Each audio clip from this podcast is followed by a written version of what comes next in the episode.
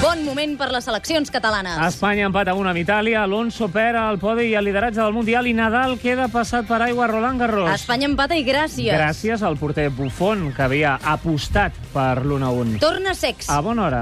Amnèsia a la caverna mediàtica. Ahir es van queixar que contra Itàlia la gespa estava alta i seca. Ningú recorda el clàssic al Bernabéu? Regularitat de De La Rosa. Abandona el Gran Premi del Canadà. Un comença a sentir-se satisfet del rendiment de l'equip, ha dit De La Rosa. I Alonso perd el A lideratge. l'última volta el va avançar un avi amb taca-taca. D'il·lusió també podem viure. Esperem un altre triple de Marcelinho aquesta nit contra el Madrid, el tercer partit de la gran final de l'ACB.